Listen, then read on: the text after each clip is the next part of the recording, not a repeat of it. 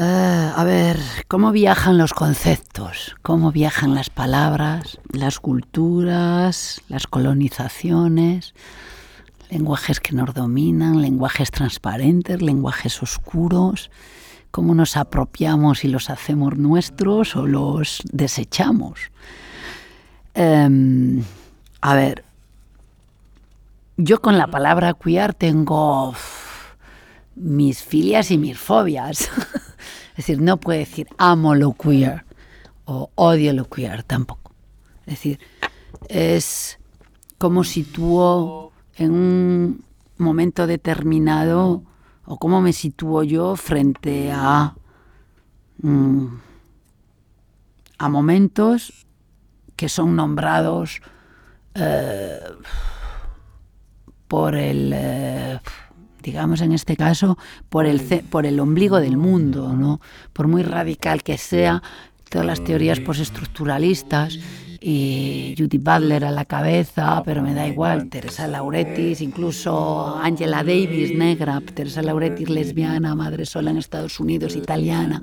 Eh, digamos que las, las madres de la teoría queer eh, hablan desde, desde, desde la producción cultural, científica y lingüística ah, dominante. ¿vale? Incluso yo, Fefavila, de aldea de pueblo, eh, bla, bla, bla, eh, hablo desde posiciones dominantes en muchísimas ocasiones, ¿vale?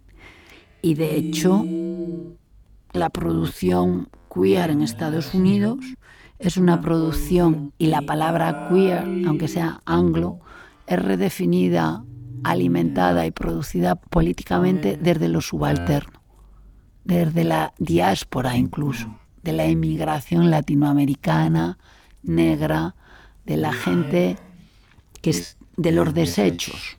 O sea, queer eh, se enfrenta en su origen a las posiciones homonormativas que especialmente, especialmente determinados gays están enarbolando en, en Estados Unidos, ¿no? Y intentan nombrar y observar eh, qué hay, qué, cuáles son los desechos, qué es ese, es ese más que no se puede nombrar. Eh, LGTB, ¿no? Pues es un ese más innombrable, ¿no? Ese, ese, ese, esos desechos, ¿no? Los residuos. Queer para mí son los residuos, siempre son los residuos. Y en eso en el libro buen amor lo decimos, si no molesta no es queer, si no se interpela la lógica dominante no es queer. Evidentemente, eh, ¿cuáles son las posiciones? No existe un afuera.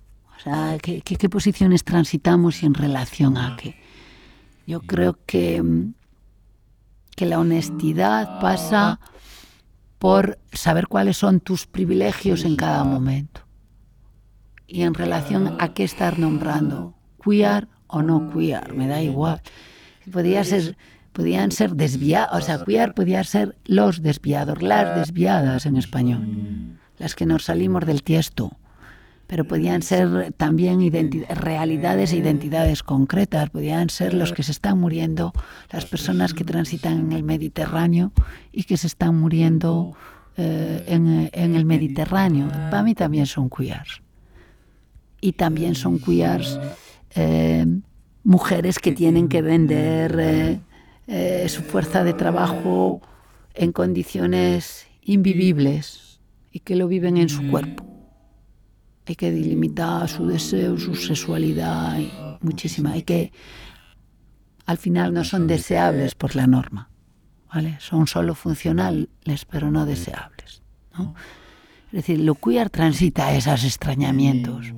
Lo queer para mí interpela el extranjero, lo extraño, lo extranjero, lo desechable, lo, lo, que, lo que produce rechazo, lo que se enfrenta a la norma de alguna manera, evidentemente desde una posición de la sexualidad eh, radical. Y evidentemente mm, no se puede nombrar de la misma manera en todos los puntos geográficos e históricos del planeta, entre otras cosas porque existió incluso ha dejado de existir, incluso la persona que llama teoría queer, que ya en sí teoría queer, ese binomio es conflictivo, eh, lo rechaza por, eh, por esa, por lo que tú comentabas, ¿no? Esa, lo queer también puede ser normativo, ¿no? También puede vender, o sea, el Che Guevara vende, lo queer vende, ¿no? Todo es susceptible de ser... Eh, y de hecho vende y crea grandes universales y se despotencializa. Yo creo que hay que, si eres honesto, o sea, una cierta honestidad y humildad, humildad política y humildad eh, frente, a, frente a los demás, es... Mm, y también eh, energía es la necesidad de redefinir todo continuamente. Y también de tú poder eh, ser interpelado por muchos otros y por muchas otras. Es decir, que tus privilegios, de los cuales no te puedes deshacer así porque son históricamente construidos. Es decir, yo no puedo decir, bueno, es que yo no soy racista, o no, es que yo no soy eh, transfoba, o es que históricamente soy construida como, con, privilegios frente a otros y frente a otros sin privilegios, depende. Y tampoco me puedo, no es un acto de voluntad, son procesos de relación, de relación histórica, eh, de los cuales consciente e inconscientemente eh, formamos parte. Yo formo parte de una historia, de un momento y de unas circunstancias y de unas relaciones con, con, con muchos otros y muchas otras, por supuesto, con mi madre, con mis hermanas, con mi hija, pero también con mis compañeros de políticos, con la universidad, con mis vecinos, con mi ciudad y, con las guerras de este mundo, ¿no? O sea, estamos unidos y unidas en, en vínculos donde tenemos responsabilidades y tenemos privilegios y tenemos miserias también y tenemos dolores. Nos, entonces yo creo que matizar y dejar los escenarios abiertos a la vulnerabilidad, al tránsito, a la apertura teórica y política es urgente y necesario. No podemos, no podemos definir queer y cerrarlo. No podemos definir una teoría feminista y cerrarla. No podemos definir una teoría o un programa anticapitalista y cerrarlo. Y esto es lo que es. No, es que tenemos que transitar en escenarios abiertos y cuestionables. Y por supuesto, queer es altamente cuestionable. Tiene potencia, pero tiene también poder y tiene todo concepto transita. Es decir, que el mejor concepto es el que no es. La mejor poesía es la que no se escribe. Ese, es, ese es el tema. Entonces yo creo que la honestidad pasa por, por no tomarte, tomar la vida en serio, pero a ti mismo, ¿no? A ti misma, ¿no? No nos podemos tomar tan en serio, ¿no? Aunque la vida, pues las circunstancias saben que tengamos que ser serias y radicales y firmes en muchísimas ocasiones, ¿no? Y no dar un paso atrás. Pero cuidar... Eh, yo lo reivindico, me parece un momento político, conceptual, interesante, pero no es inmutable y no es una verdad. ¿no? Es un verbo que hay que conjugar. que lo podemos conjugar desde lugares culturales y geográficos de formas muy diferentes.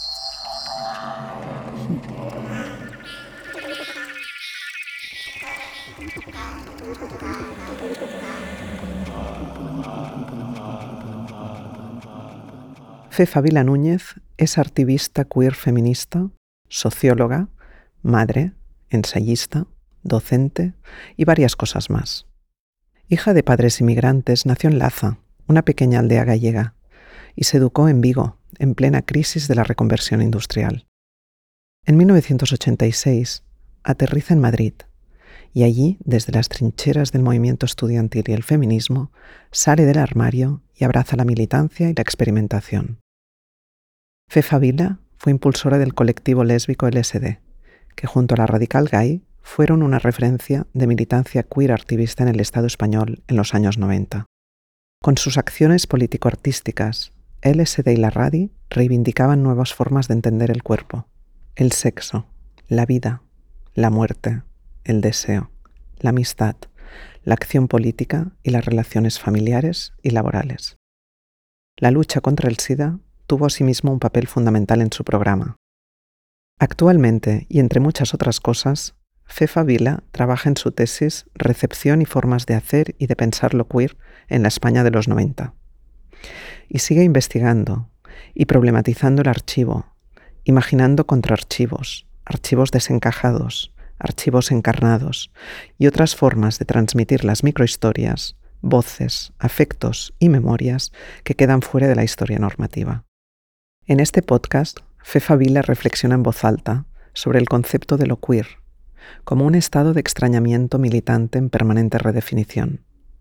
Traza también una lúcida, emotiva y posible genealogía de los movimientos queer, feministas y de disidencia sexual en el Estado español desde los 70 hasta la actualidad, que se bifurca en múltiples líneas de fuga. Una disidencia colectiva que se mira en las luchas emancipatorias de los 70 y reverbera en la actualidad. Fefa nos habla también sobre la necesidad de vivir otras sociabilidades, otros modelos afectivos relacionales, sobre maternidad, sobre maternidad lesbiana y sobre la urgencia, en definitiva, de abordar políticamente desde el feminismo este gran tema pendiente.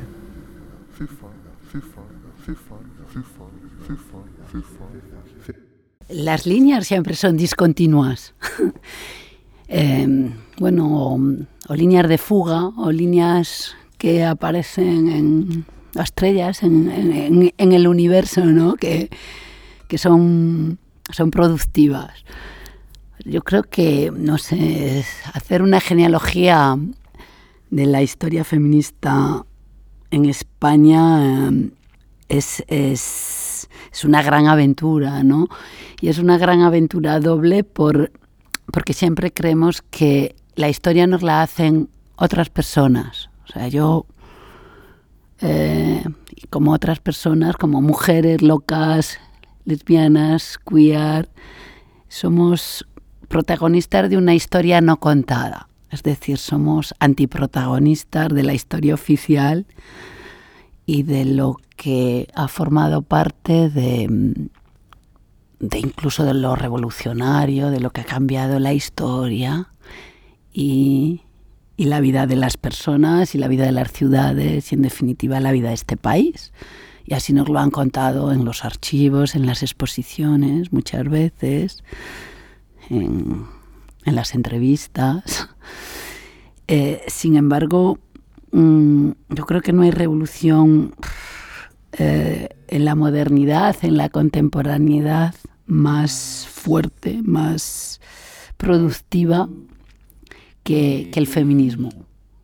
Eh, el feminismo tiene la capacidad de interpelar y de dislocar no solo las grandes narrativas de la historia, ¿no?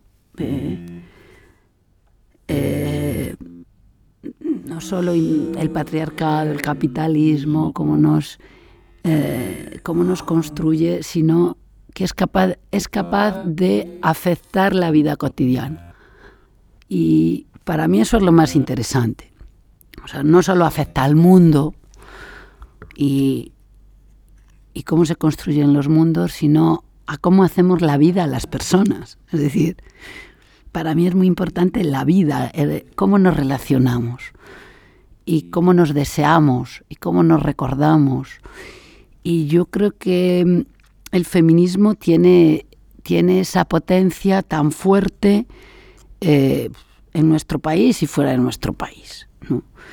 Y, y es una potencia que todavía no, no ha alcanzado sus metas y probablemente no sea el objetivo alcanzar sus metas, sino transitar caminos.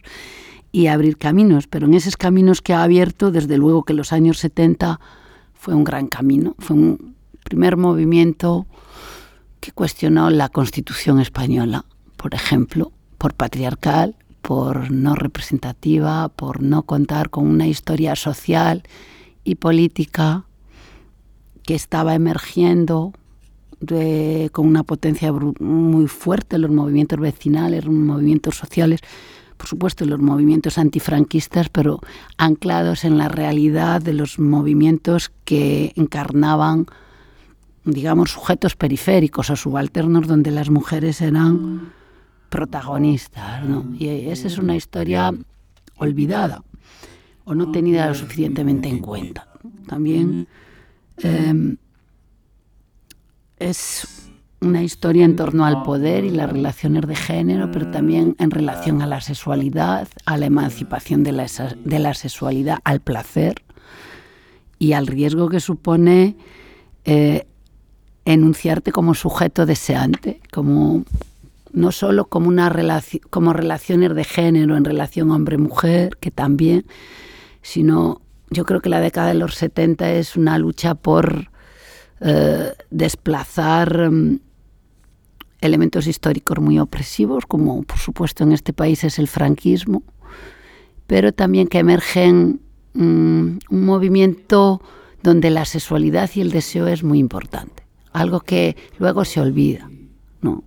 que, que se olvida el se olvida e, esa parte y, y, se, y todo aparece en relación a, el feminismo en relación a la institución, los 80, los felices 80, que, mm, que clausuran toda esa energía deseante, eh, políticamente deseante, ¿no? donde la sexualidad es importante, ¿no? Es, es la época del destape, pero del destape en el sentido también de mujeres que desean hacer otra historia y yo creo que anular esa parte de, de, mujeres eh, destapadas en ese sentido eh, es, es, es, algo que tapona la historia en los años 80. ¿no? Los 80 yo creo que es un, un falso, una falsa transición, ya, pero una doble falsa transición para para el movimiento feminista y la potencia que tenía eh, las mujeres en los años 70 de mm, redefinir la sociabilidad en este país. Y que es algo que arrastramos todavía, es como una transición frustrante para mucha gente, pero doblemente frustrante para las mujeres de este, de este país, porque en los años 80 supone claudicar de una manera muy artificial o muy artificiosa hacia la institucionalidad. Es decir, el feminismo eh, atraviesa toda una serie de, de pasos que lleva a, a, formar parte de las instituciones democráticas ¿no?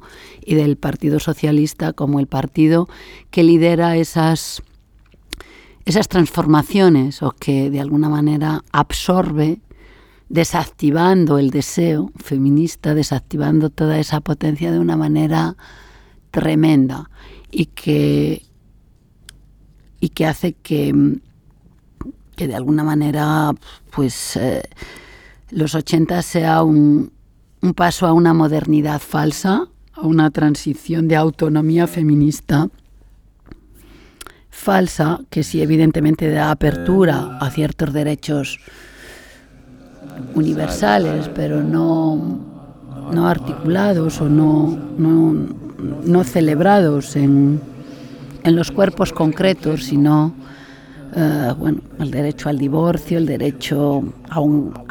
bueno, al aborto se tarda muchísimo más y de aquella manera y con las repercusiones que todavía hay y sobre todo a poner pues eh, en un segundo nivel todo lo que lo que se había heredado de esa de esa potencia feminista que se inicia en los 60 y 70, ¿no? Con las particularidades antisistémicas y con la profunda materialidad y el arraigo político eh, de buscar una nueva sociabilidad, eh, si quieres marxista, si quieres más democrática, ¿no? de cómo las mujeres podían radicalizar o enarbolar una nueva democracia en este país y cómo se tapa. Y, y los 80 yo creo que aparece pues, pues el Instituto de la Mujer, aparece toda la institucionalización de, de toda esa, de toda esa energía revolucionaria, ¿no? Y, de hecho, yo como parte de mi generación, de, soy una generación 80-90, por así decirlo, políticamente madura en esas finales de los 80 y la década de los 90, ni tan siquiera tuvimos la oportunidad de conocer, o sea, la hemos conocido mucho más tarde. Eh, no fue una historia contada, fue una energía política de nuestras antecesoras inmediatas, ya no digo de las republicanas, eh, que también, sino de qué pasó en los 60, 70. Creo que conocemos poco, sabemos poco, sabemos poco de la microhistoria, de la intrahistoria, de eso que nos hace personas más libres, de lo que cambia las familias, de lo que cambia los cuerpos, de lo que cambia desear cosas diferentes, de lo que cambia educar a los niños y a las niñas de forma diferente. Eso era lo que teníamos que haber heredado y que no se paró, no, no, no, no transito. O sea, yo creo que la institucionalización y la homogenización con lo que estaba pasando en la Unión Europea en general, o sea, la copia de ser igual que y la imposición de participar a nivel de escala internacional o de la Unión Europea supuso la desactivación, eh, se desactiva el movimiento obrero con la reconversión industrial, se desactiva el movimiento feminista con una falsa participación y elevación de la igualdad a nivel institucional. Necesaria, sí, pero por otra parte eh, esconde, eh, pues tapa, tapona una, una potencia política de energía que tiene que ver con, con, las micropolíticas. Y en ese sentido también con toda la disidencia sexual. Es decir, los años 70 es una década que yo creo que de alguna manera se replica sin saberlo en este país en los 90, aunque con formas diferentes, de alianzas muy potentes, que yo creo que son lo que nos hace eh, ser sujetos políticos trascendentes, ¿no? Sujetos políticos que pueden crear fisuras en sistemas altamente compactos y altamente resistentes como es el sistema capitalista, el sistema patriarcal, ¿no? o heteropatriarcal, diría yo, yo ahora, y es crear alianzas entre todos esos sujetos em, que, son anclados en, los márgenes o, en el dolor o, o en, en, el sufrimiento, o en el no ser, en la invisibilidad. Em, en la alienación también, ¿no? Y que, y que los 70, quieras o no, o sea, obreros, maricas, feministas, locos, locas, eh, mucha gente estaba, había alianzas muy profundas que históricamente son muy difíciles de replicar y de que se repita, pero que son necesarias en un momento histórico de no dejar atrás nada, de no dejar a, de no renunciar a ninguna potencia política para poder trascender, para poder crear una sociabilidad más libre, relaciones sociales más, más alegres en términos de Spinoza, por así decirlo, ¿no? la potencia de la alegría frente a la tristeza. Y esas alianzas se cortocircuitaron. Y yo creo que se cortocircuitaron no por una deriva natural histórica de que se tenían que cortocircuitar.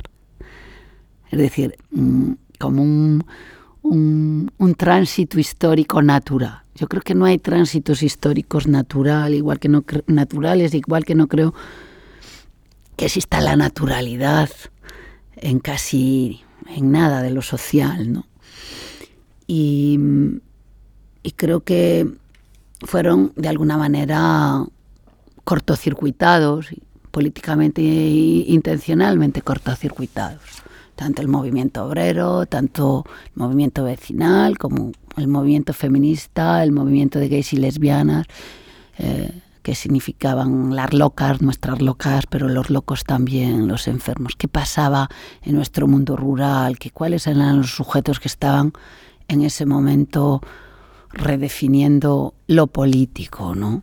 Y ahí mm, el tránsito institucional hacia los 80, el pactismo institucional, eh, yo creo que albergó también una estrategia de desactivación, de silencio y de fragmentación intencionada de esas alianzas dentro del propio feminismo, dentro de las relaciones entre gays, lesbianas, trans eh, y mujeres, que de alguna manera se significaron de, de, forma, tomaron caminos, caminos muy diferentes.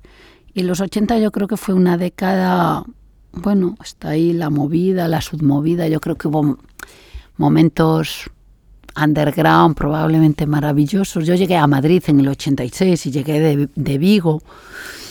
Mm, yo vengo de un pueblo, de una aldea gallega muy pequeña, de padres emigrantes, y fui a estudiar a Vigo en, un momento de la reconversión industrial, en un lugar espectacular, que era la laboral de Vigo, en un momento en que Vigo ardía.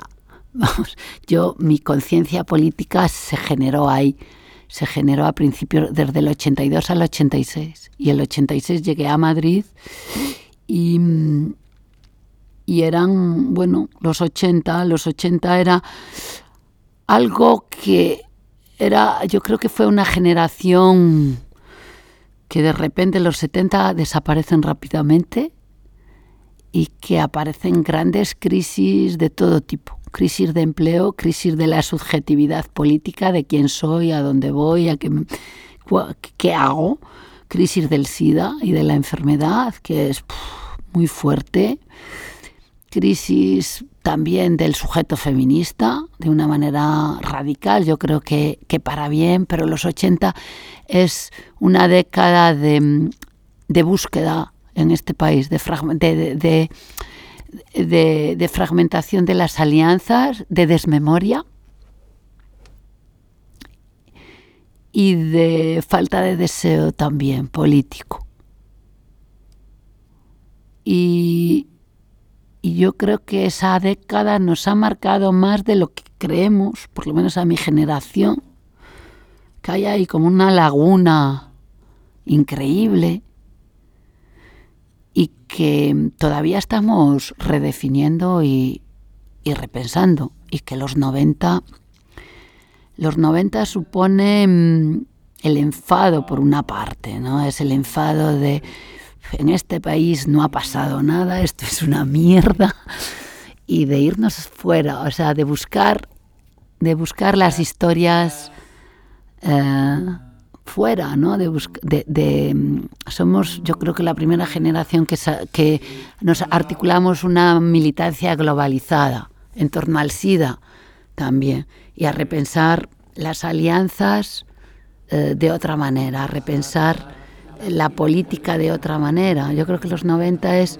un reseteo para, mm, para repolitizar un espacio político y repensar un sujeto político nuevo donde el feminismo de una manera clara se recoge fragmentado, pero ya con toda su, con toda su potencia. Yo creo que eso es mi eso forma parte del momento de los 90, ¿no? De cómo coger todos esos trozos que nunca van a estar unidos en una única subjetividad y cómo los podemos hacer, uh, cómo, cómo se pueden activar políticamente, cómo pueden actuar en el espacio público y, político.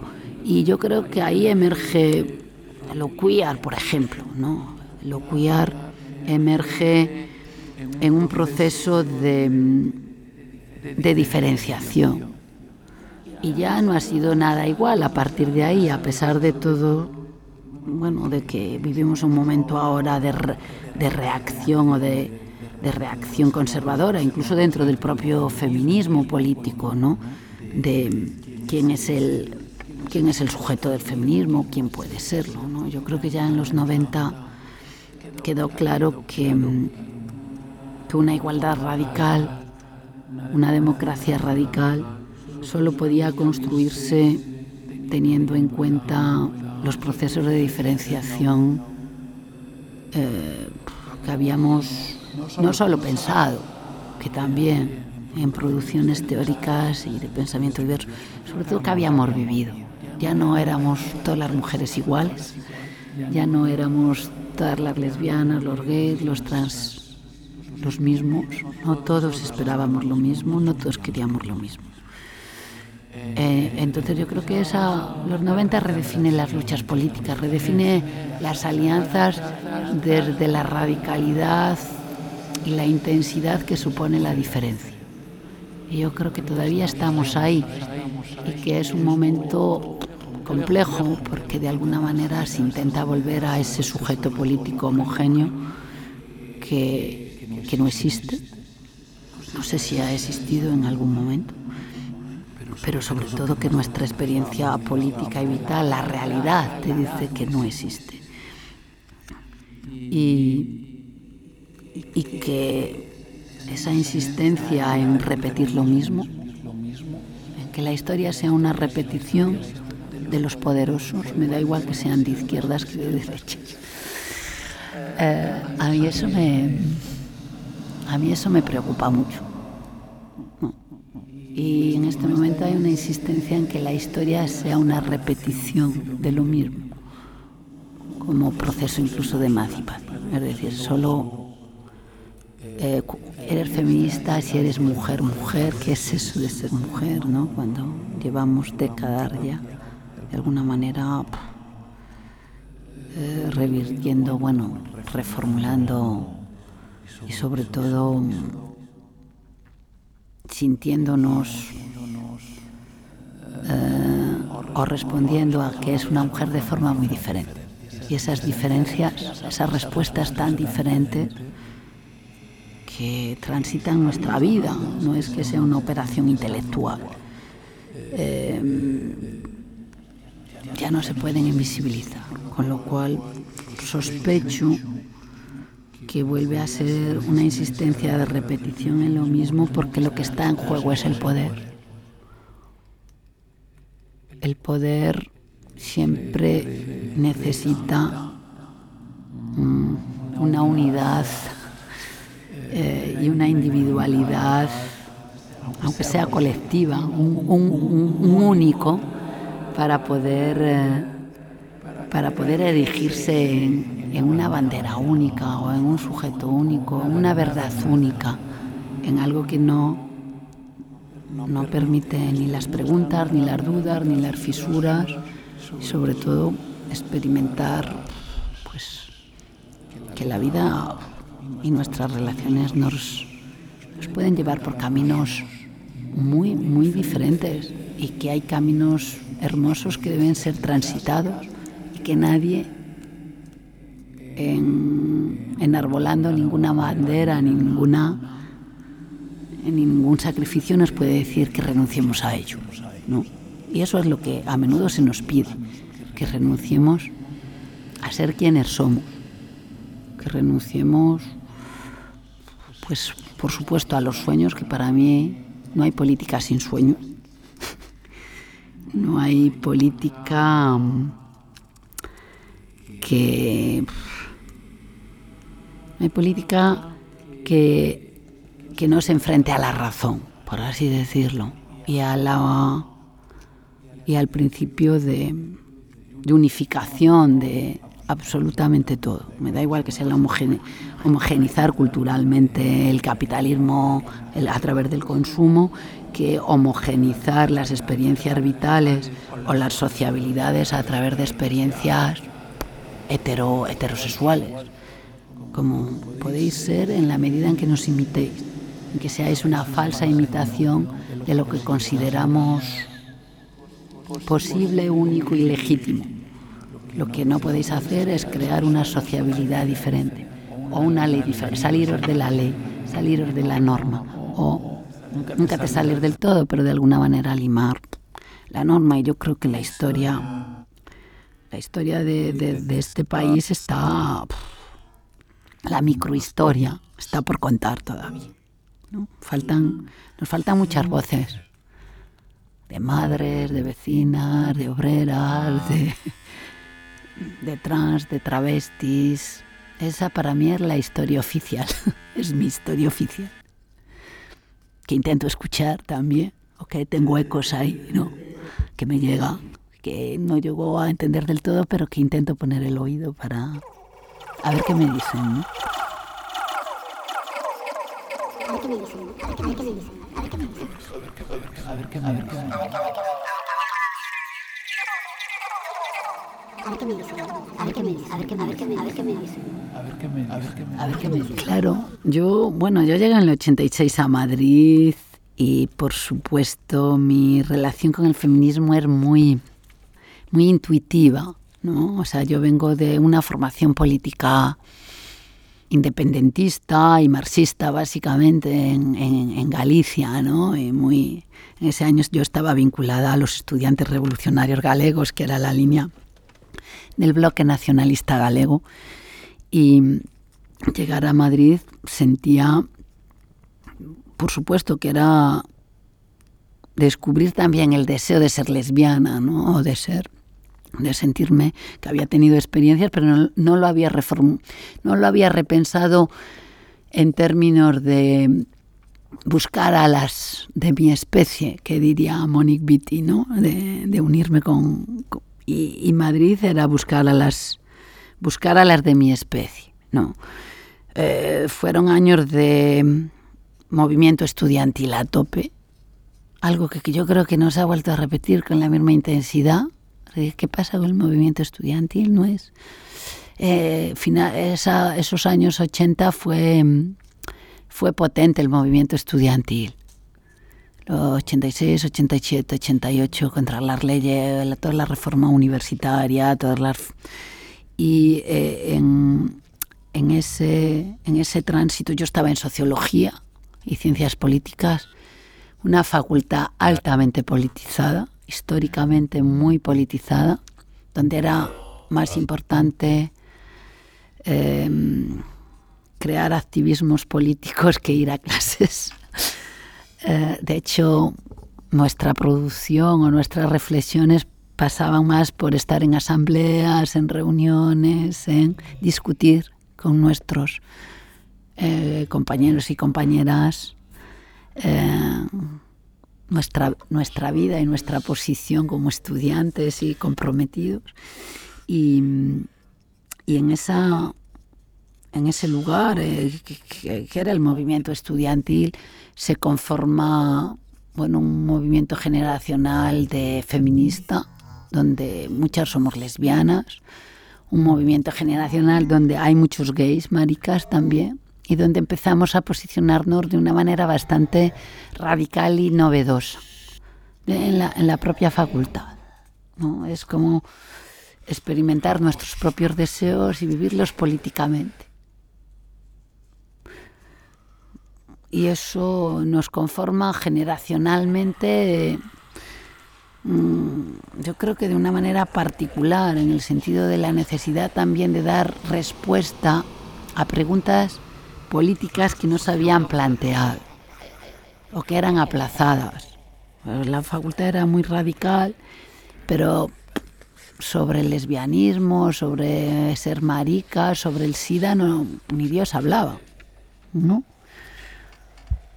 De hecho, estábamos, bueno, en el árabe, nos queríamos, empezamos a establecer relaciones, pero nuestros padres no sabían ni quiénes éramos, ni a quiénes nos dedicábamos. O sea, ahí era estar en la ciudad huyendo de toda una serie de lugares donde eras otra cosa.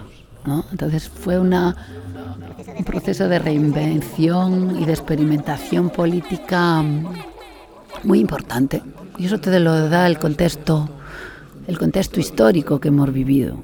O sea, contextos que te, que te hacen, igual que los 70 hicieron a una gente, yo creo que ahí nos, nos hicimos, eh, la necesidad de ir afuera, es decir, de que no había respuesta dentro de, a pesar de que nos corríamos grandes fiestas, lo pasábamos muy bien, nos queríamos mucho, establecíamos comunidades muy, muy, muy cercanas y políticamente muy activas, pero teníamos, yo creo que la necesidad de qué pasa fuera, qué hacen fuera, que aquí no nos han contado, ¿no?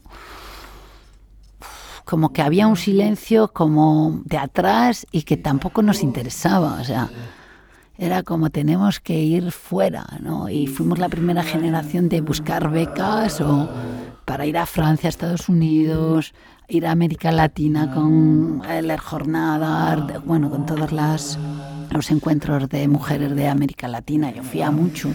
Eh, no teníamos un puto duro, pero estábamos continuamente eh, buscando, buscando, buscando, en definitiva buscándonos a nosotros mismos a través de los otros, pero siempre como aquí no está, es, es lejos de aquí, tenemos que buscar lejos. Entonces fuimos una generación que antes de hacer el SD y la radio nos, nos abrimos. De hecho, muchos trabajábamos de guía para sacar pasta, que era una metáfora ¿no? de traveling, ¿no? de los Hay una autora, bueno, que es que los conceptos viajan, pues yo creo que las historias políticas viajan también fuimos una generación que necesitábamos viajar, necesitábamos movernos, mover nuestra energía interior, pero también geográficamente y espacialmente. Yo creo que esa diáspora, o sea, esa fue una inmigración a la inversa, ¿no? De, em, nos explicó, de alguna parte nos explicó para volver. Y para volver y poder hacer algo en nuestra ciudad y con nosotros mismos. Y después de esas idas y venidas, digamos que en el 91, 92, sobre todo empezó ya en el 91, aunque venía de una historia cocida ya de atrás, ¿no? Eh, pues la experiencia, la experiencia del SIDA, la experiencia de la enfermedad, la experiencia de bueno, ¿cuál es nuestro papel aquí? Fue determinante el contexto de Barcelona 92, de, del 92, 500 años de descubrimiento, entre comillas, de América.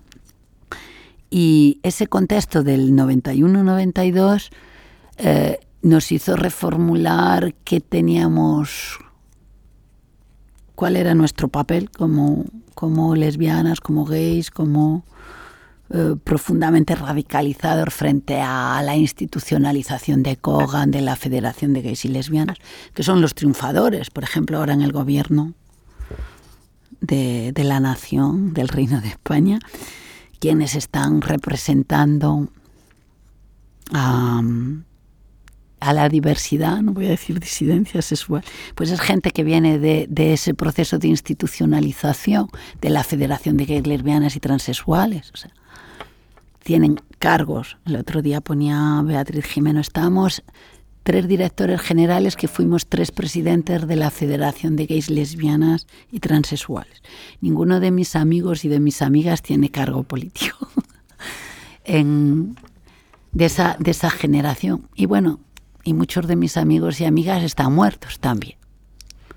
O sea que la relación con la muerte también fue algo muy importante a la hora de redefinir la política. E incluso nuestra vida, incluso nuestra alegría en la vida. Creo que tenemos muy presente la muerte y todas, todas mm, hemos, bueno, en mayor o menor medida, hemos tenido que lidiar con el dolor de la ausencia, del duelo, de los que no están, de los que nos han dejado. Y en esa, en esa relación de rabia y duelo, de rabia y duelo y de, de grandes fuegos artificiales institucionales, que fue el 92, surge LSD y la Radical Gay, ¿no? Y, ya habíamos tenido contactos con ATAP, con el movimiento autónomo Ocupa de Berlín, de Roma, con Estados con profesoras y profesores. Bueno, yo me fui a California, Ricardo Llamas, o sea, con Teresa Lauretis, con Dana Haraway, fuimos los primeros que introdujimos, bueno, Judy Butler, empezamos a reformular pues de alguna manera nuestra experiencia con lecturas ajenas y a la vez políticamente situadas, ¿no?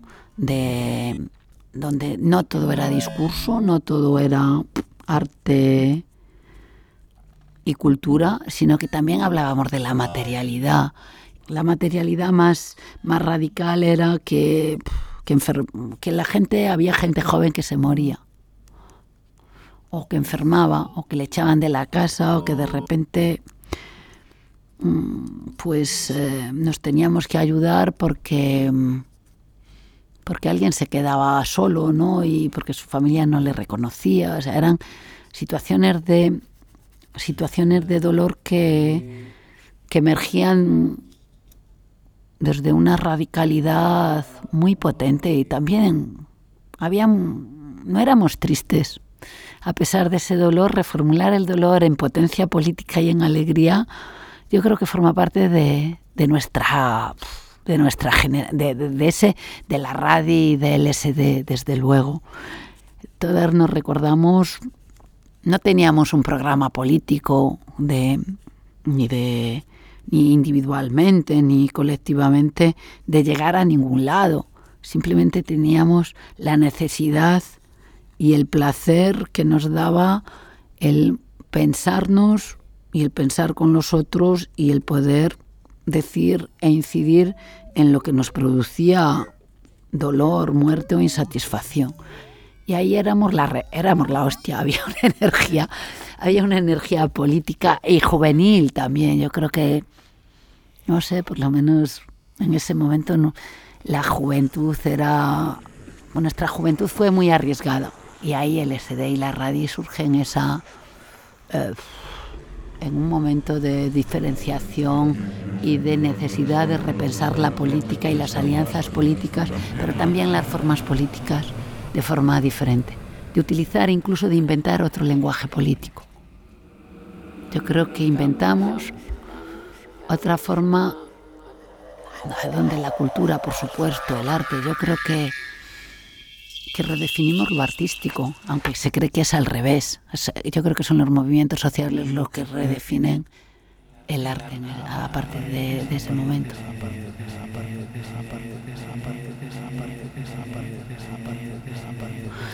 A ver, yo creo que hay una herencia anarquista en, este país brutal de, del cuerpo a cuerpo y de la red y de cómo debe funcionar funcionar. Yo creo que esa herencia anarquista LSD y la radio la tenía.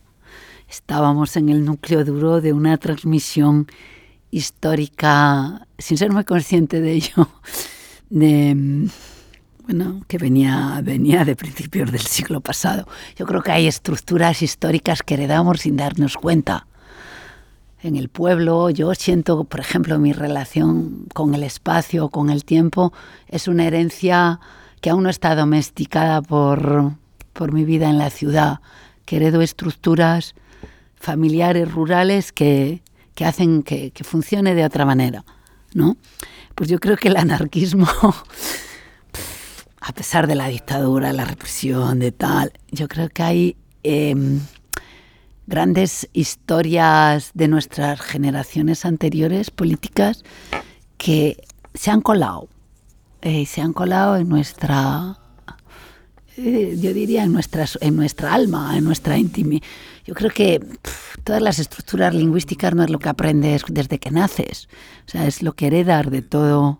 O sea, hablas lo que, lo que has heredado, no solo cuando naces, sino tu cerebro y tu cuerpo está preparado para reproducir una, una herencia cultural dada y que evidentemente se transforma en, cada momento histórico.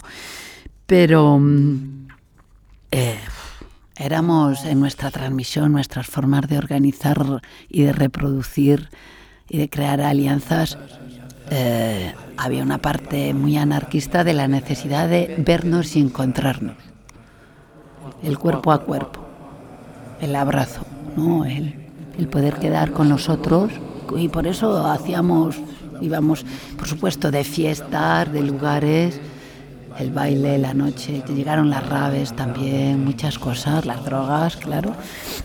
Eh, experimentar con todo ese tipo de encuentros, pero también todos los centros ocupas de Berlín, de Roma, de los Lavos en Minuesa, en, en Madrid, en Varna, bueno, toda esa tradición que había.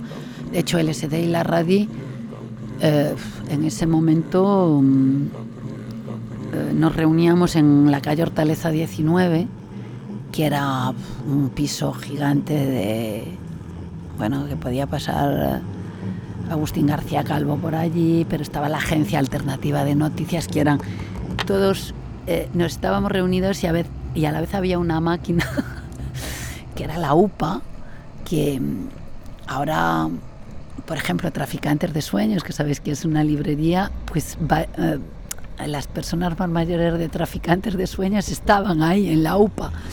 Y era una agencia de noticias alternativas y llegaba de todo el mundo lo que había pasado, lo que había pasado políticamente brutal, ¿no? En América Latina. Entonces eran eh, teletipos que la máquina registraba y salían.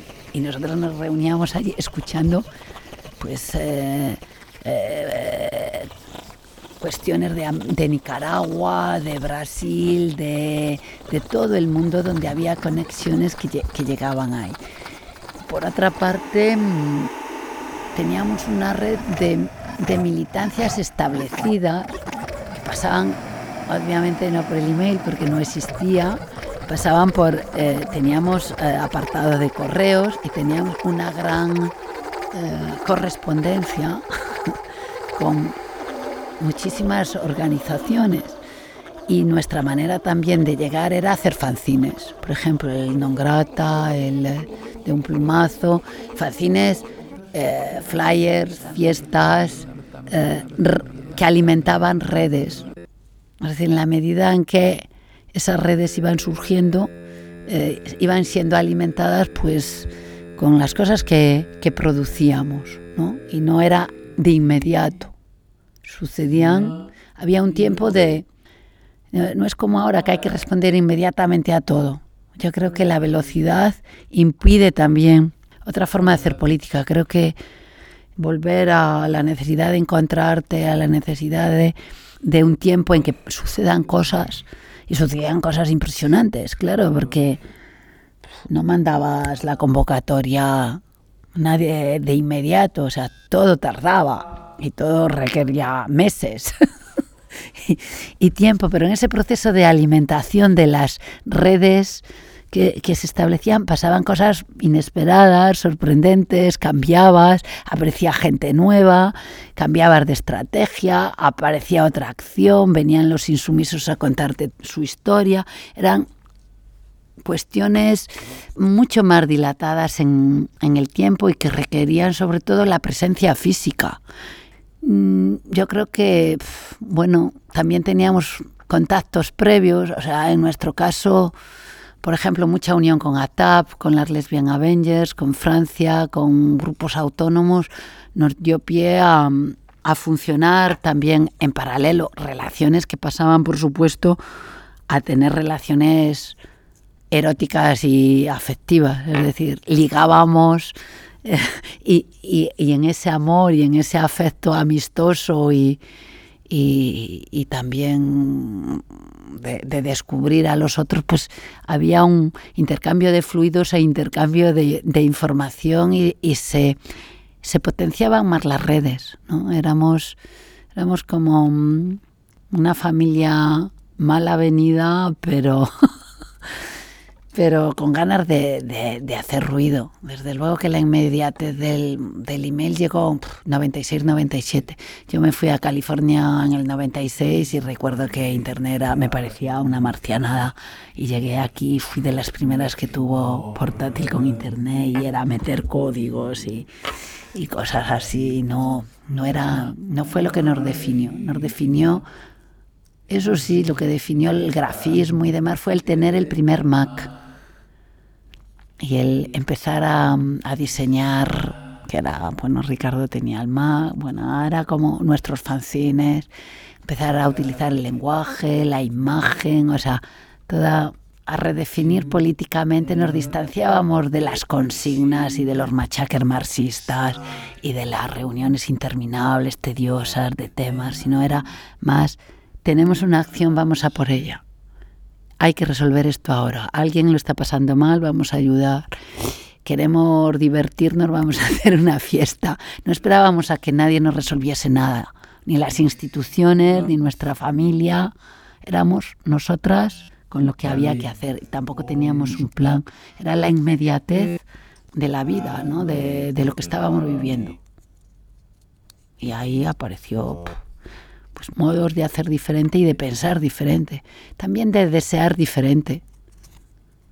No sé, a mí me marcó, yo creo que fue una década, la gente que vivimos la radio y el SD nos marcó de una manera profunda, nos hizo, todavía ahora que nos encontramos, sabemos que hay algo que está ahí, ¿no? Que, por ejemplo, un rechazo al triunfo, al éxito, o sea, no tener tan claro que el éxito y el triunfo sea lo que nos, lo que nos define, ¿no?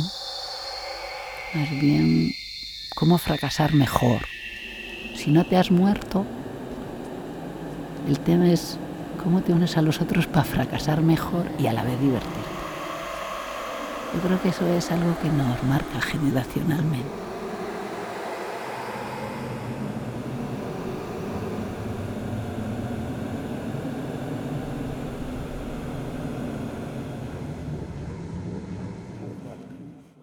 Pero sobre todo era una necesidad de producir nuestro imaginario y nuestro deseo político. Es decir, era una resistencia frente a la muerte histórica que heredábamos y a la muerte a la que en ese momento nos querían eh, eh, nos querían someter. Entonces yo creo que fue una necesidad de mm, eh, una necesidad de que una necesidad de rabia, eh, de, aquí estamos, ¿no? De, de, resistencia, de no vais a acabar con nosotras. Hemos venido para quedarnos y para poner todo patas arriba y que a pesar del dolor, a pesar de la invisibilidad y del silencio, eh, vamos a producir y vamos a representarnos como queremos, ¿no? Y, yo creo que el SD necesitábamos experimentar con lenguajes muy diversos, poéticos, de imágenes y de textos, o sea, del texto y la imagen, no, no hacíamos tanta separación, ¿no? Yo creo que también era una tradición mucho más feminista, si quieres, de, eh, eh, aunque rompían y eran discursos muy radicales, la radio era profundamente discursivo en sus formas de repensar y de hacer, de hacer la política. De hecho, nos les sorprende, había como, joder, tías, ¿cómo hacéis estas? O sea, siempre se quedaban como, ¿cómo hacéis estas imágenes? O sea, ¿qué, qué, caño? Yo creo que las que, en el SD arriesgábamos mucho más en relación a, a transitar lenguajes e imágenes, ¿no? La radio seguía en esa contestación, aunque rompió, era una contestación masculina, si quieres, a una retórica eh, muy hetero de izquierdas y a decir, bueno, la rompo desde lo mariquita, pero utilizando tus, tus armas discursivas. Yo creo que el SD rompió, rompió el imaginario. Creo que fue nuestro mayor acierto, ¿no? De crear otros imaginarios con el lenguaje y con las imágenes. Y de una reafirmación sin, ser una verdad ni crear una identidad coherente, sino uno de nuestros lemas era eh, defínete y cambia. Eso estaba muy... Es decir, ahora hacemos esto, pero mañana podemos hacer lo contrario. Es decir, era una continua, no pararnos en nada, era una continua búsqueda, un proceso de búsqueda, de búsqueda de representación y de quién, de, de, de qué lugar estamos y qué, qué, quiénes somos y qué hacemos, ¿no? Frente a un imaginario, por supuesto, que nos había invisibilizado, que nos había no había una transmisión ni un tránsito de, y sobre todo un tránsito radical, pero nosotros no solo queríamos reafirmarnos como lesbianas, sino que como uh, queer, como diversos, como maricas, como bolleras, teníamos algo que decirle al, al, mundo capitalista, al mundo del trabajo, al mundo racista, al mundo colonialista, al mundo de la precariedad, al mundo de la oficina, al mundo del arte. Queríamos incidir en muchas esferas, al mundo de la familia, al mundo de la sexualidad, de las prácticas, al mundo de eh, las drogas, al mundo de la fiesta. Es decir, no nos gustaba nada de lo que había, o no lo suficiente, ¿no? y luego algo nuevo, que nadie se metía con la heterosexualidad como sistema. Y ahí sí fue, teníamos nuestras amigas heteros y amigos, o sea, era como que nos veían, estos se han enloquecido, vienen a por nosotros, vienen a por nosotras, ¿no? Y, y yo creo que también fue la de las primeras veces en los tránsitos históricos políticos del feminismo en que hay un discurso tan potente que, critica el régimen de la heterosexualidad, que está presente en los 70 pero se olvida. Y de hecho se sigue olvidando. Se nombra solo teóricamente, pero en las prácticas políticas eso sigue siendo un tema tabú. Igual que sigue siendo un tema tabú eh, la familia a determinados niveles o la maternidad. ¿no? ¿Cómo podemos reformular los cuidar la familia, la maternidad, los vínculos en definitiva que, tenemos. Y yo creo que para mí el feminismo mm, existe una subjetividad, o se puede hablar de un sujeto feminista no solo porque se enfrente al patriarcado, sino porque se enfrenta a la heterosexualidad, en tanto que en tanto que estructura y régimen de crear sociabilidades opresivas para, para todas las mujeres en general. Y yo creo que tanto el SD como la radio en general es una herencia de, o una reflexión que podemos decir de lo queer o de un estado. El lo queer para mí es un estado más dentro del feminismo, no es queer y feminismo, es el feminismo. En el feminismo aparece algo que llamamos queer y que históricamente y socialmente surge de formas muy diferentes o se manifiesta de formas muy diferentes. Y una de las cuestiones es dirigir esa mirada o reactivar e, esa mirada crítica setentona a los años 90, ¿no? Eh, en torno a cuáles son los regímenes de producción de desigualdad, de dolor, de muerte. Y son muchos, no solo son, no solo es el capitalismo, no solo es el patriarcado, es decir, tanto el capitalismo como el patriarcado produce subsistemas todo el rato de, de dolor, de muerte, de exclusión, y hay que, hay que lidiar con ellos, hay que, hay que tener miedo a enunciarlos, ¿no? incluso sabiendo que nos producen contradicciones raciales, eh, de todo tipo, ¿no? Y que, y que eso implosiona, eso implosiona en los 90 de una manera radical y con sus más y sus menos va y viene, ¿no? Pero yo creo que en los 90, esa es mi hipótesis, hay un cambio en las formas de hacer política y de repensar el feminismo y que crea tensiones dentro de la izquierda.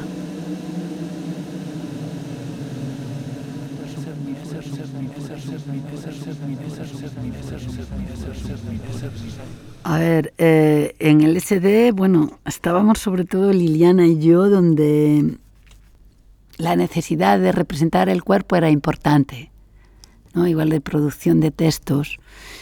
Y, mm, y salió de una pequeña reunión de no nos gusta cómo nos representan, o sea, todo un imaginario de las lesbianas que eran medio monjil o medio en el armario o medio como descorporizadas o asexualizadas, ¿no? Y a veces las cosas surgen por necesidad, pero también porque existen herramientas. Y dio la casualidad de que teníamos una cámara de fotos. ¿No? Y, quedamos, quedamos Lili y yo, invitamos a mm, Clotilde Lechuga, pero era que Clotilde no estaba en el SD, era una fotógrafa que andaba alrededor. Y Liliana y yo, bueno, teníamos eh, ganas de hacer esa, esa jugar, a ver qué pasaba, cómo nos representábamos, ¿no? Entonces empezamos a aficionar de alguna manera una relación eh, o una era más que una fotografía una performance entre las dos y una performance que dirigimos y que de alguna manera formamos parte de sujeto y, tanto de hacer fotografías aunque estaba Cloti y nosotras produciendo esa y dirigiendo esa performance. Y, fue una necesidad dentro del grupo pero sobre todo habilitada por Liliana y yo. Luego Clotilde decía, bueno, es que las fotografías, la parte dice, las has hecho tú en parte, pero bueno, estabas transitando en el SD, pero no produjiste, no has producido ese imaginario ni, ni, ni, ni el deseo de hacer esas de hacer esas fotos, ¿no? Yo creo que Clotilde lo, lo comprendió, uh, o sea, también de, de, a partir de ahí de repensar quién es el autor o la autora no quién produce, quién es artista. O sea, tampoco nos pensábamos en términos de artistas, ni en términos de autoridad, pero sí en controlar esas imágenes, o de, de dónde salen y dónde queremos que lleguen, y cuál es el contexto que produce esas imágenes. O sea, no eran las imágenes de una fotógrafa que nos había hecho imágenes. No, era una necesidad política de crear un imaginario a través de unas circunstancias y un contexto de producción colectiva, um, al cual podamos acceder uh, como potencia y no como objetos o subjetividades eh, no deseantes o asexuales, ¿no? Como normalmente se piensa en las relaciones entre las mujeres, ¿no? ¿Cuál es la potencia eh, cuál es la potencia del cuerpo y del deseo entre, entre dos, tres, cuatro mujeres, las que sea. O sea, ¿qué pasa ahí, no? ¿Qué pasa ahí para la mirada masculina? ¿Qué pasa ahí para el feminismo? ¿Y qué pasa ahí para nosotras mismas cuando nos contemplamos? De hecho, veíamos las fotos y al principio nos daba un poco vergüenza. Es como, joder, o sea, somos nosotras, ¿no? Y un poco pudor y era el pudor de nunca haberte sentido representada, de, nunca haberte visto representada. O representada de una manera que estuviese interpelando a, una cultura. Por hecho, era escultura lesbiana, juega con esa. Estamos haciendo cultura lesbiana. Este es el origen del mundo, ¿no? es, eh, es lo que desplaza el patriarcado, o es, es un deseo excéntrico, que diría Teresa de Lauretis, ¿no? Eh, respondía también a ese, a ese artículo ¿no? de sujetos excéntricos de, de Teresa de Lauretis. Esa serie de fotografías responde eh, y sigue contemplando, a pesar de que surgió en, como surgió, a una, a una idea de no artista, de no cultura, es decir, nosotras le interesamos al arte, a nosotras no nos interesaba el arte a priori. Es decir, a partir de esa exposición, que fue en el 93, de la producción de esas fotografías, eh, pues le interesamos al mundo. Pero aquí hasta en el de Boston, nos, o sea, tampoco sabíamos gestionar eso. Es decir, teníamos 23, 24 años. A mí me dicen, bueno, te hacer famosa con... Me pude nos pudimos haber hecho dos, tres, o sea, no era el momento por preciado en el magma, pero eh, era, era otra energía política, ¿no? A ver, yo personalmente siempre he tenido y sigo teniendo problemas con el arte artista. Me cuesta. Em, me cuesta la genealogía del arte, me cuesta el arte. ¿Qué es arte, qué no es arte? ¿Quién es artista, quién no? Eh, ¿Cuál es el origen? O sea, ¿cuál es esa genealogía? A mí lo que me... Si algo me interesa del arte, o de los dispositivos artísticos, o de, llamémoslo así, de las personas que se identifican o se pueden identificar, es el extrañamiento, lo extranjero, es la capacidad que pueda tener el reelaborar eh, desde otro lugar lo que es imposible reelaborar con un lenguaje, con unas formas dadas. ¿no? Y evidentemente eso cuando está mediatizado por el mercado, por la institución museo, con todas sus buenas intenciones, eh, evidentemente hay una parte que necesariamente se desactiva. Nos guste o no. Es así.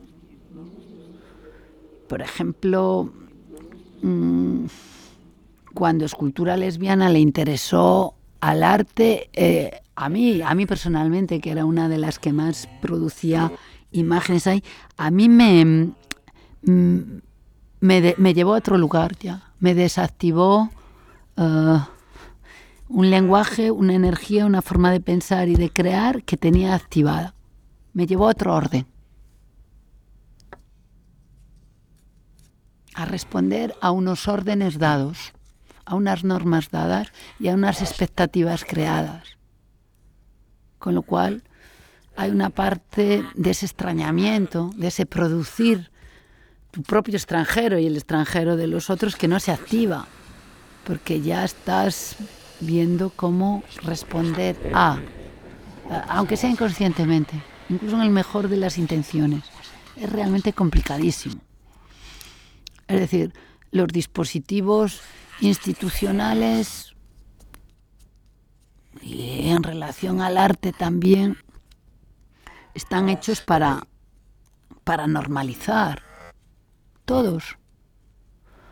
Y sin embargo, para mí el arte o los por eso yo creo que los movimientos sociales mm, cambian el arte porque producen otros extrañamientos.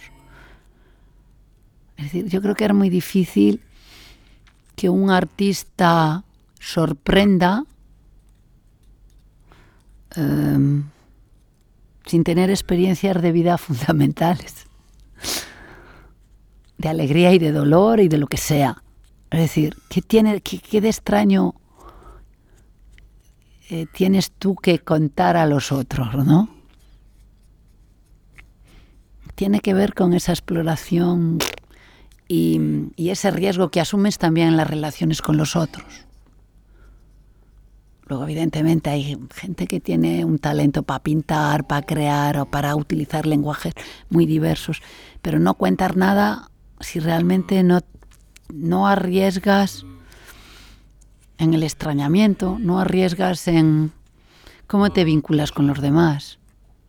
Es decir, todo te lo dan los demás, todo, absolutamente todo. Entonces, ¿qué hostias vas a contar si no has vivido nada? O si no quieres vivir. Porque hay mucha gente que no quiere vivir y aún así quiere ser artista. Y eso a mí me resulta extraño.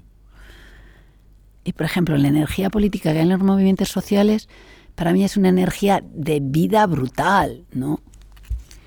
Es puede ser un artista vinculado a la pulsión de muerte y contar solamente cómo. Yo creo que hay muchos artistas muy zanatos, muy no cuentan nada sobre la vida ni las posibilidades de vivir, ¿no? Porque no les interesa la vida, les interesa la muerte. El dinero es muerte, hoy por hoy, ¿no? La guerra es muerte, hasta el sexo es muerte, tal como está. Es decir, hay un punto en que, bueno, decíamos en el libro Buen Amor que, eh, de Cristeva, ¿no? De, eh, que en, en, la experiencia del psicoanálisis no existe, no existe felicidad o alegría si no es al precio de la revuelta.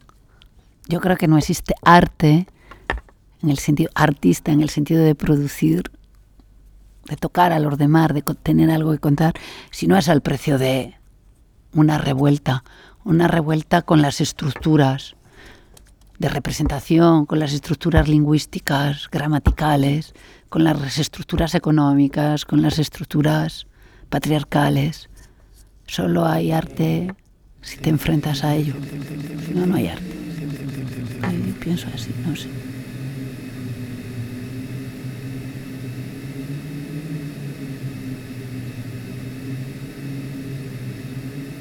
Bueno, yo escribí sobre, en, el libro Barbarismos queer y otras esdrújulas sobre la maternidad es.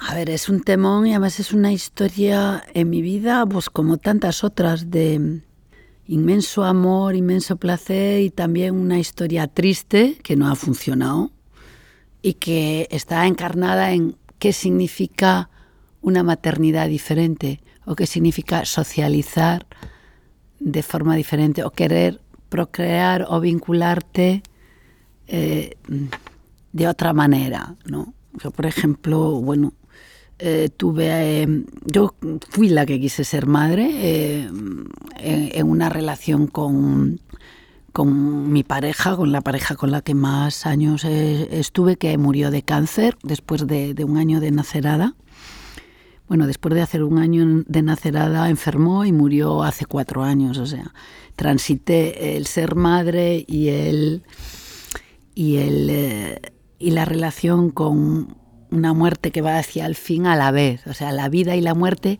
en mi caso ha estado ha estado muy unida en, en la última década, ¿no?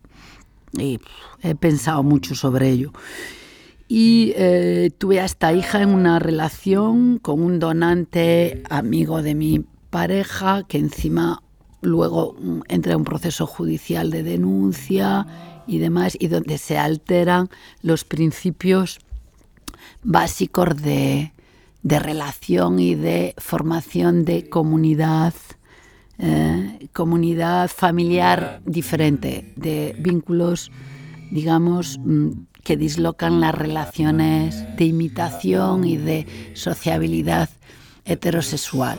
De alguna manera yo no sentía que quería ser ni madre sola ni madre solo con una pareja. A mí me, me gustaba construir vínculos más allá y que esa, criatura eh, tuviese referentes eh, referentes diversos y sociabilidades muy, muy, muy diversas. La vida me, me, llevó justo a lo contrario, pero radicalmente. O sea, fue como una mega bofetada que me dejó doblada mm, de una manera brutal y sentí todo el peso de, del sistema judicial y del, de solo ser posible en la medida en que replicar lo mismo frente a la reivindicación de un derecho propio, una otra sociabilidad. ¿En qué medida podemos alterar los órdenes sociales, las normas sociales y crear sociabilidades eh, que no imiten lo mismo? En este caso, que no imiten las normas heterosexuales, la ley del padre en este caso, la ley de formar eh, una serie de, derechos de, familia que encima no son iguales.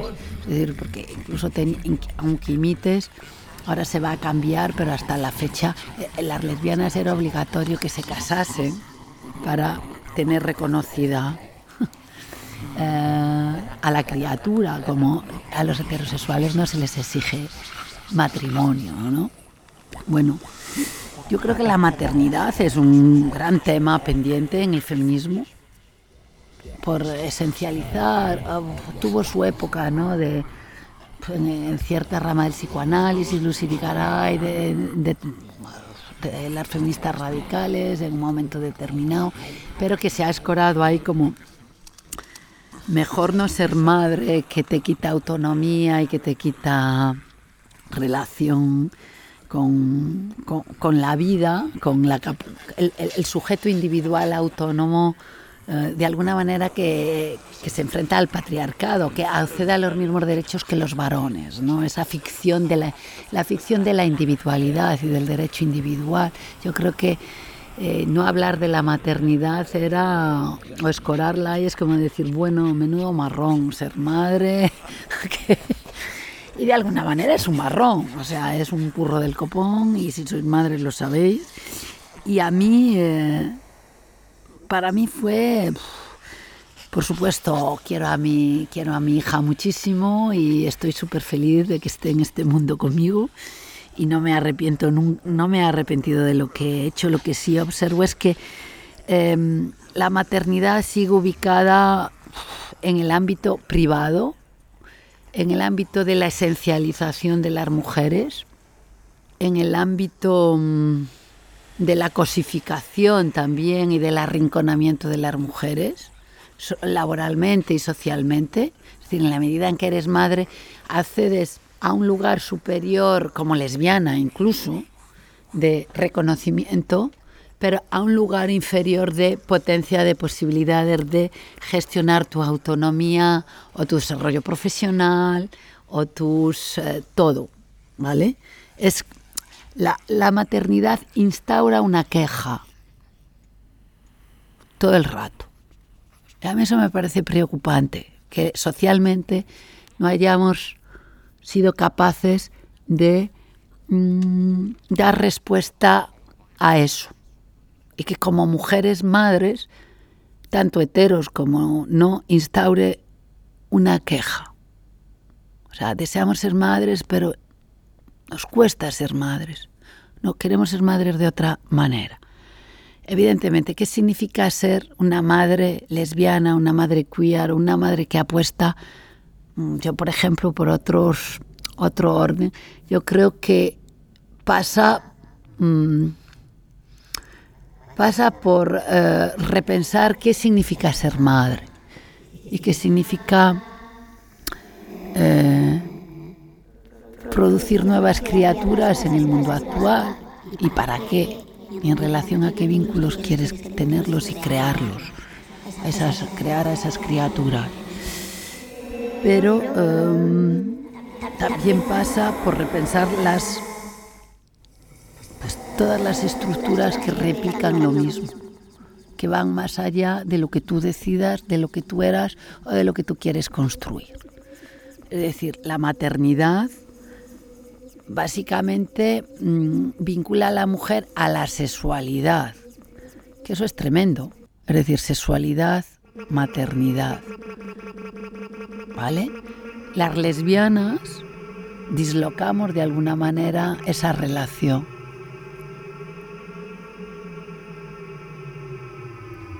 Extraña. No está, nuestra maternidad no está vinculada a nuestra sexualidad. Eso es un primer es un cambio importantísimo, sobre todo si ponemos la sexualidad en el centro, no el género, la sexualidad y la producción del deseo. Es decir, somos madres, pero no tiene nada que ver con nuestras relaciones sexuales. Y, y yo creo que eso en el feminismo ni tan siquiera se ha tocado. Y ahora empieza a haber ciertos discursos en torno a la maternidad, determinados sujetos, otras cosas que no me gustan tanto, pero bueno, ahí está. Y en segundo lugar es cuáles son las estructuras sociales en las cuales se ancla todas las maternidades. Y digo todas porque y todas de una, de, de, una manera muy similar porque todas imitan o todas reproducimos eh, digamos, lo que se espera socialmente de nosotras como, como madres, ¿no? Y aparte que hay un vínculo, un vínculo muy profundo y que es un vínculo además muy diferente, yo creo que también hay que tenerlo en cuenta si eres madre de un niño o de una niña, yo creo que cambia. Y que eso también se debería hablar, o sea, en términos de reproducción de géneros, de reproducción de diferencias, como somos, eh, creamos sociabilidades y somos mm, eso también se debería estar discutiendo en tanto que madres de de quiénes somos madres. Somos madres lesbianas somos madres trans somos madres pero además somos madres de criaturas. Y eso también lo tendríamos que hablar. Y luego hay estructuras que continuamente te están diciendo quiénes son y cómo pueden ser tus hijos ¿no? Eso quiere decir que hay estructuras que son una fuerza brutal en las cuales la reproducción del género y la sexualidad y la maternidad y la educación están atrapadas. Que evidentemente si se la activamos es como que nos aniquilan físicamente, pero que aún habiendo un gobierno de izquierdas y demás, digamos, y eso también lo dice Judy Butler, es decir, las estructuras de género, aunque eliminásemos todas las instituciones, seguirían existiendo. La ideología de género, es decir, precede a las propias instituciones. Es decir, hay algo cultural, hay algo anterior a la institución que nos, nos dice cómo nos tenemos que comportar o cómo podemos ser. Luego hay instituciones que lo reafirman, lo reproducen o dan ciertas posibilidades de que las cosas vayan a mejor. Pero digo, creo que es un... requiere, fíjate, es una potencia brutal. Creo que ponemos demasiadas expectativas como que en la educación lo va a cambiar todo. Yo creo que es un pilar fundamental, pero que no lo cambia todo. Cambia, ayuda a cambiar elementos fundamentales pero que hay demasiadas estructuras que están replicando el género todo el rato y, el, eh, y lo normal, digamos lo normal y lo heteronormal. Entonces, ¿cómo vivo yo mi maternidad queer? Pues como vivo tantas otras cosas, con contradicción, amor y peligro, eh, dolor y gloria, no lo sé muchas contradicciones. Yo creo que no es fácil, es muy complicado eh, educar, criar ah, de forma diferente, repensarte a ti también como, como madre diferente, salirte de ahí pues tiene sus sanciones de reconocimiento y de no reconocimiento y no siempre se puede ser, no le puedes pedir a nadie que sea heroína ni nadie puede dejar de ser absolutamente todo, de golpe, ¿no? Es decir, ¿soy una madre diferente? Sí, del todo diferente, no. Tengo muchas cosas de mi madre, sí, muchas, muchísimas. Mujer tradicional de campo. ¿Me he escapado de algo? Sí, mi, eh, mi hija me ve rara, sí, me quiere, sí, me odia, sí. Eh, la escuela es, es complicado, no ha sido no, no es fácil, no ha sido fácil. No puedes estar en plena lucha continua contra todos los avatares del mundo porque necesitas vivir también. Entonces, que, que estar más encima, sí, hay muchas madres lesbianas y muchos padres maricas y trans que, que a lo mejor no se repla que lo que quieren es vivir eh, lo posible y, y que se adaptan, hay que no se pues también hay mucha gente que, que no que la heterosexualidad eh, y la maternidad heterosexual puede ser queer, sí. Que ojalá fuese queer, sí. Yo creo que de hecho, lo decíamos en la presentación del libro, pueden ser los, los heterosexuales en tanto que el deseo es perverso per se, en tanto que es una teoría en torno a la sexualidad.